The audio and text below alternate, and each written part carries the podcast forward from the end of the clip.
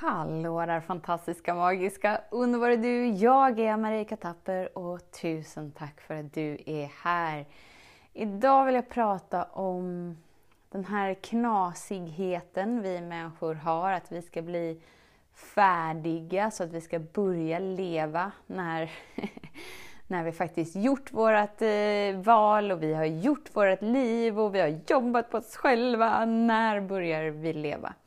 Tänker vi belyser det idag, för det är faktiskt helt knasigt. Så häng med! Så den stora frågan är, hur lär vi oss att älska oss själva utan att vara egoistiska och självgoda? Det är frågan och denna podcasten kommer ge dig svaren på det och mycket mer. Mitt namn är Marika Tapper och varmt välkommen till Hemligheterna bakom att älska sig själv. Så vi lever ju i en dualitet. Det är ju så vi har blivit intränade till att uppleva livet. Vi har blivit intränade att leva livet i separation från den vi är.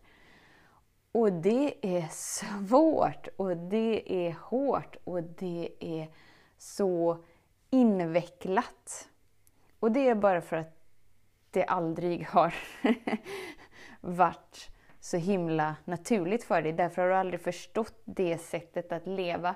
Men du har verkligen, verkligen, verkligen gjort ditt bästa för att kultivera en styrka inom dig så att du ska stå stabilt vad som än händer. Och sen kommer livet. och sen kommer livet och du träffar någon som triggar någonting i dig. Du försöker få det till att det handlar om den andra personen, att den har kletat in dig med massa negativa tankeformler och energier. och att allt vore så mycket lättare om den personen inte var där, om den händelsen inte var där, om livet inte var som det var helt enkelt. Det är liksom märkligt för mig hur egentligen ingen pratar om hur det känns att leva i ett med allt som är. Alltså så kallat oneness, eller helheten. Vi har inget sådär coolt ord på svenska riktigt, så vi får ta oneness. det är ingen som pratar om hur det känns och därför så vet vi inte när vi upplever det. Det är ingen som pratar om hur det känns att vara upplyst, därför vet vi inte om vi upplever det. Vi har en bild av att vi inte ens har förmågan att uppleva det. Vi har en bild av att det ligger så mycket hårt jobb, så mycket hårt arbete och att det är liksom bara för de där supermänniskorna. Och det är bara helt enkelt för att ingen har lärt dig hur det känns att leva i ett upplyst tillstånd. Så hur ska vi då kunna veta? Eftersom att sanningen är den att vi lever liksom i en spegling hela tiden. Alltså din fysiska verklighet är en spegling av dig. Så allt du ser, allt du möter är dig. Och så länge vi lever i separationen från oneness, från helheten, från källan och sanningen och visdomen om vem vi är, så kommer vi stöta på problem. Varför? Jo, för att vi gillar inte det vi ser. För att det gör ont. För att det är mörkt. För att det är på ett sätt som vi bara önskar skulle vara annorlunda. Så varje gång som någonting kommer upp inom dig, eller du möter någon som triggar dig, är du inbjuden i en mognadsprocess genom att ta emot gåvan som levereras. Men vi har inte lärt oss hur vi tar emot. Utan vi har bara lärt oss hur vi skyddar oss. Vi har liksom lärt oss hur vi har på oss vår försvarsmur så att vi kan stänga ute allt som vi inte vill ha att göra med. Det innebär att du stänger ute dig och kärleken och ljuset. Man kan se det som att vara i mammas mage är liksom din ingång in i ljus och in i kärlek. Och sen kommer du ut på andra sidan och bara får möta hela din spegling. Allt det du behöver möta. För att du ska komma ihåg vem du är och kapitulera in i det. Det innebär att du är hel från början. Det innebär att du är sedd, hörd, älskad, trygg, omfamnad, supportad från början. Och det är det att det är inte bara i början, utan det är även i denna stund. Men eftersom att ingen har lärt oss om upplevelsen av oneness, av halleluja, av att vara upplyst, hur ska vi då veta? Så vi går runt i en verklighet där alla tycks ha glömt och så söker vi och så gör vi saker till sant som inte är sant. För att vi lär genom observering. Så om du tittar på naturen, en lejonunge, hur lär sig lejonungen? Jo, hon, hon tittar på sin lejonmamma eller tittar på sin lejonpappa.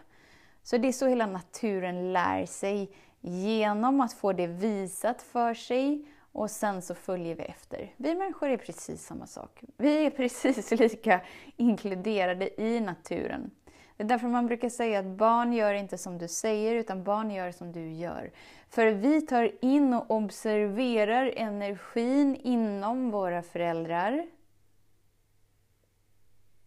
Och så drar vi slutsatsen om vad trygghet är, vad kärlek är. Och så efterliknar vi deras sätt. Så om du verkligen skulle vara nyfiken på dig själv och verkligen observera hur du är i stressade, pressade situationer. Och så tittar du på hur dina föräldrar är när de är i stressade, pressade situationer så kommer du märka att du antagligen påminner om det sättet på ena eller andra sättet. Antingen att det blir bara så överväldigande så att vi bara liksom äter massa skitsaker som vi vet att vi inte borde äta, men vi orkar inte vara med det som är. Eller så blir vi bara helt plötsligt så rosenrasande och vi förstår inte varför vi blir det, för att vi är inte det. Vi är inte elaka människor, vi är kärlek, renaste kärlek. Därför så har de delarna aldrig känts så bra. Ge dig själv ett djupt andetag. För precis just här, precis just nu, sker en aktivering. För jag personligen är så trött på alla missförstånd om vad livet egentligen är Och att du därigenom ska behöva leva i ett lidande. När jag vet att det inte behöver vara så. För att jag vet vem du är och jag vet vad du är kapabel till.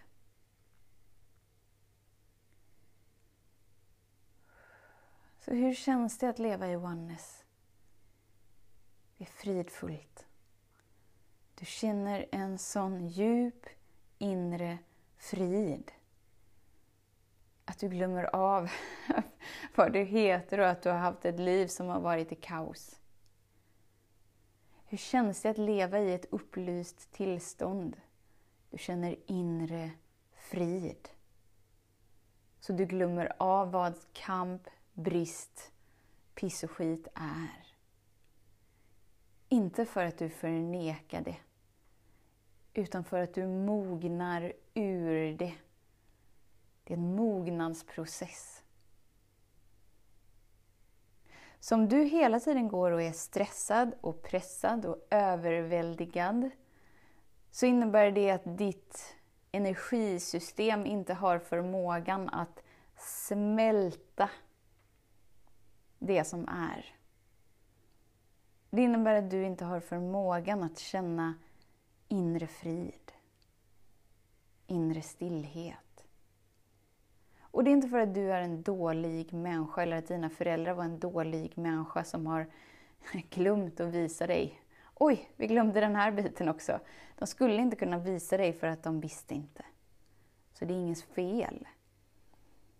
Och ju snabbare vi bara inser det och bara säger jag är redo att vakna, det finns ingenting som är mer verkligt och viktigt för mig. Så kan vi helt plötsligt våga möta det vi hittills inte vågat möta. Så vi riktar vårt fokus in i det mörka istället för att springa ifrån det. Och det är det som är din resa hem till stillhet och inre frid. Inre frid kommer inte när livet stannar, när allt är perfekt utanför. Utan det kommer när du har omfamnat det som är. Och varje händelse, varje möte, varje person som triggar någonting inom dig är en gåva och en välsignelse som du har skapat för dig. För att våga ta emot upplevelsen utan att göra den personlig. Och istället bara andas in och släppa taget. När du är villig att andas in och släppa taget så kommer du märka att du blir mindre och mindre och mindre påverkad av andra. Du hamnar mindre och mindre och mindre i omedvetna reaktionsmönster. För att du känner dig. Och du känner kärleken som du är och du lever i oneness.